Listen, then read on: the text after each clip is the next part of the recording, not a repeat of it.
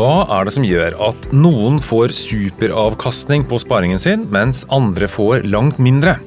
I dagens utgave av Skagenpodden skal vi snakke om hvordan du bør håndtere det som skjer med jevnlige mellomrom, nemlig at det plutselig skyer over og børsene faller.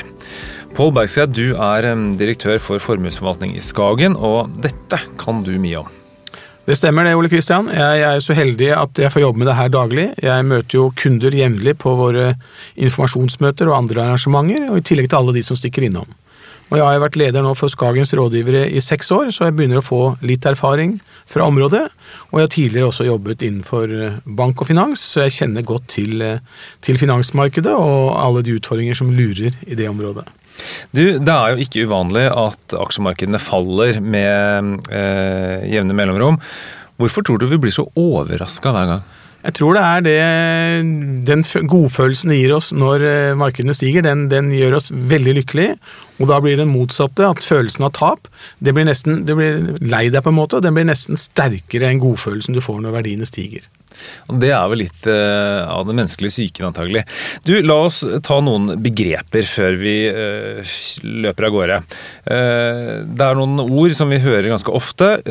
krakk, resesjon og korreksjon. Hva ja. betyr de tre? Jeg starter med det siste. Korreksjon er jo motvekt til børsoppgang. Langvarige korreksjoner kan medføre en lengre periode med jevn kursnedgang, og gjerne da med et større verdifall over 10% Det forekommer én til to til tre ganger hvert år.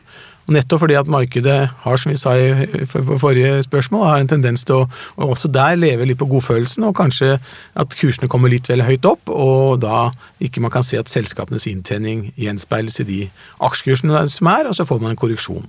Så det er noe vi skal leve med. Et krakk forekommer ikke så veldig ofte. Det har ikke skjedd de siste, det har ikke skjedd dette tiåret, det må tilbake til 2008 for det siste store krakket. Og Det betyr at da faller børsene mer enn 10 eh, gjerne over én eller to-tre dager. Og det oppstår da når en overvekt av investorene samtidig endrer oppfatning om de økonomiske framtidsutsiktene. Så da skal veldig mange mennesker skifte mening akkurat samtidig, og da får du da et uh, kraftig salgspress, og da faller prisene raskt. Resesjon har mer med tilstanden i økonomien å gjøre, og veksten i økonomien. Vanligvis så vokser en eh, økonomi med 2-3% i året. Og det er jo normaltilstanden. Kommer vi over i et territorium hvor, hvor, veksten da er negativ, vil si at man faller med minus 0,1-0,2, så er vi inne i en resesjon. Og Da betyr det at da er, det, er man redd for framtiden, og at da kan verdiene falle eh, når vi kommer framover. Altså bedriftenes inntjening blir lavere. Nå later vi som at vi er inne i en nedgangsperiode. Eh, en, eh, en, korreksjon, da. Hva pleier du å råde folk til å gjøre da? Nei, Det aller viktigste er å tenke langsiktig og tenke på at selskapene som faktisk de fleste av oss jobber i, de vil tjene penger og de vil levere inntjening. Så det første du skal gjøre, er å tenke dette skal jeg prøve å benytte som mulighet. Og for at det skal være en god mulighet, så bør jeg sitte i ro med det jeg har investert. Og har jeg midler til overs, så kan jeg gjerne benytte muligheten til å investere de er du usikker på hvor lenge nedgangen skal vare, så deler du opp beløpet du har i tre-fire bolker og bestemmer deg for ulike tidspunkter du vil kjøpe på. Hva pleier du selv å gjøre da, når markedene faller?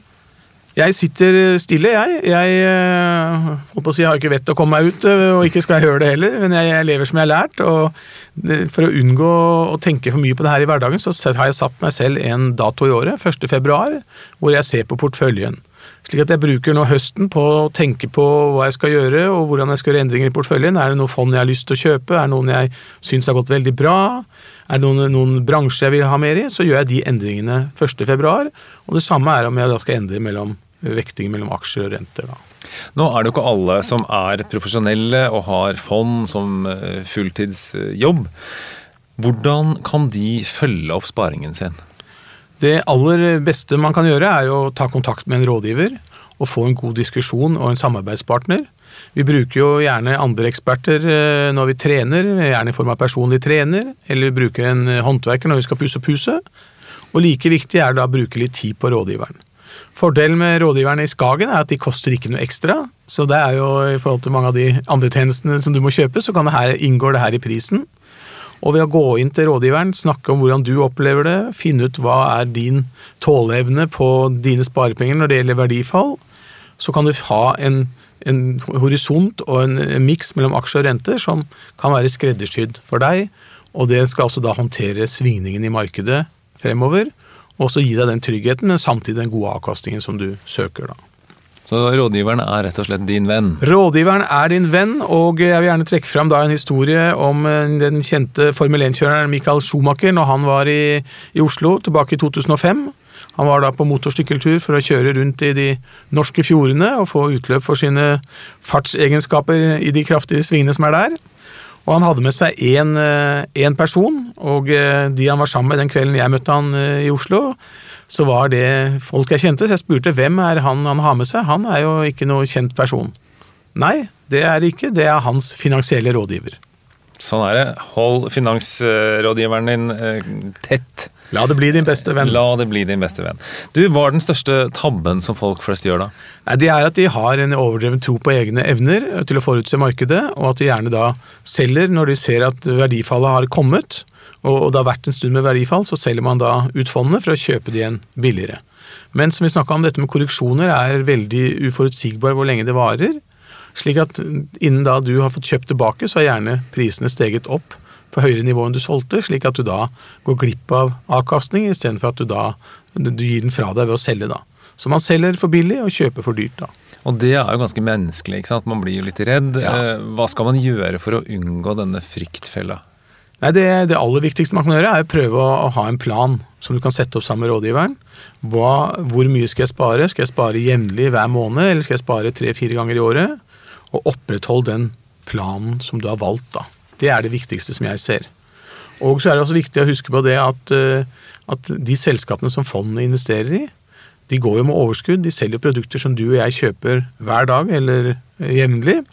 Og det er klart, selv om prisingen av den inntjeningen i selskapene i form av aksjekurs svinger, så vil den gode inntjeningen og veksten gjenspeiles tilbake til deg som aksjonær over tid.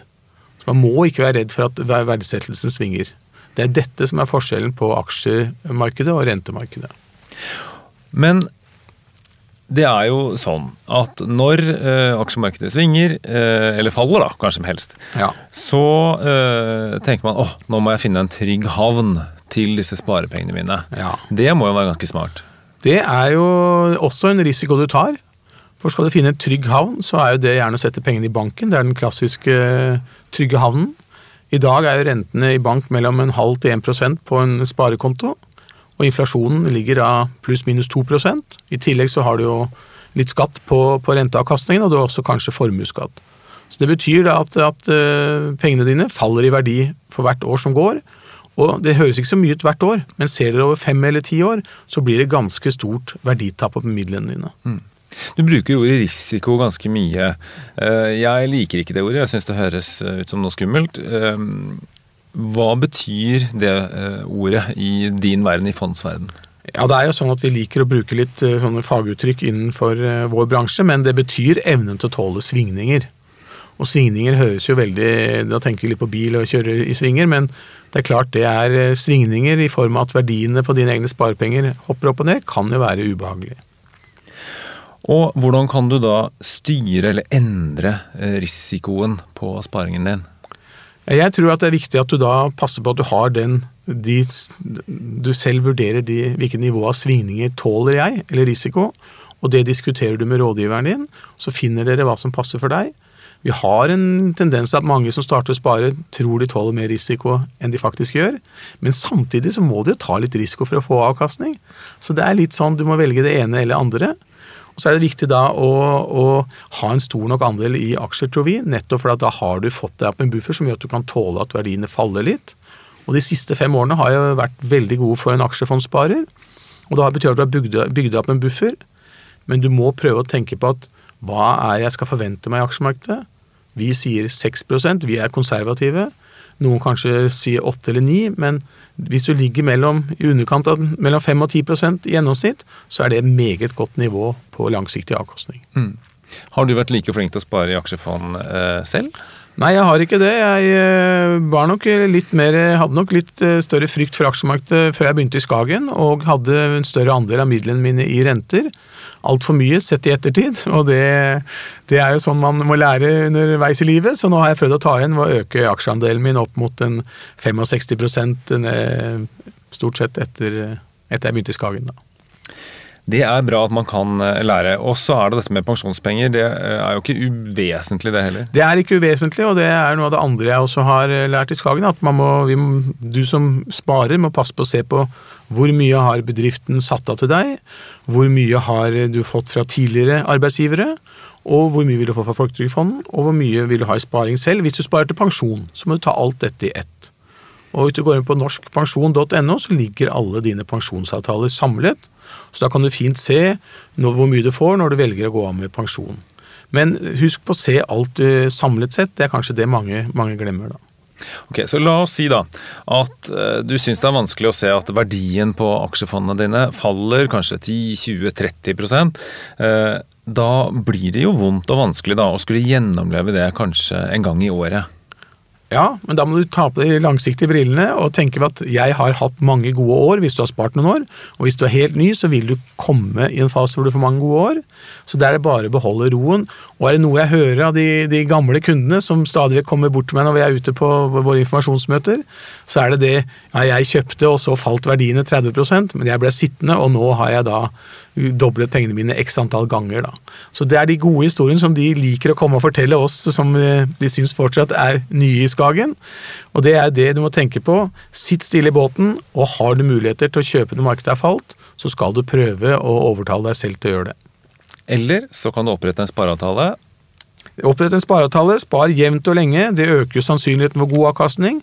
Og vi så jo tilbake f.eks. da på den mørkeste dagen etter eh, i 2008, så var det kun de som hadde spareavtale som kjøpte aksjer. Det var ikke én menneskelig gåseøyne avgjørelse som ble tatt den dagen. Ok, så la oss oppsummere litt, da.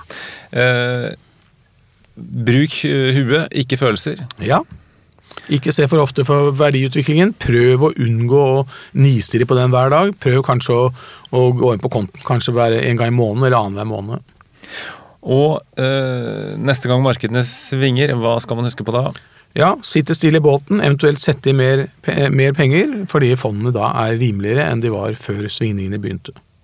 Og snakk med vennen din? Snakk med rådgiver. Det er alltid, og som jeg sa tidligere, det er den, det rådgiveren din koster ikke noe å ringe. Vi er der for å snakke med kunder, og vi syns det er kjempegøy. Vi bruker masse tid på å holde oss oppdatert.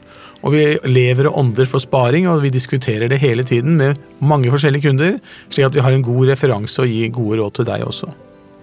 Vi lar det bli siste ord, vi. Tusen takk, eh, Pål, og mm, tusen takk for at du hørte på. Tusen takk.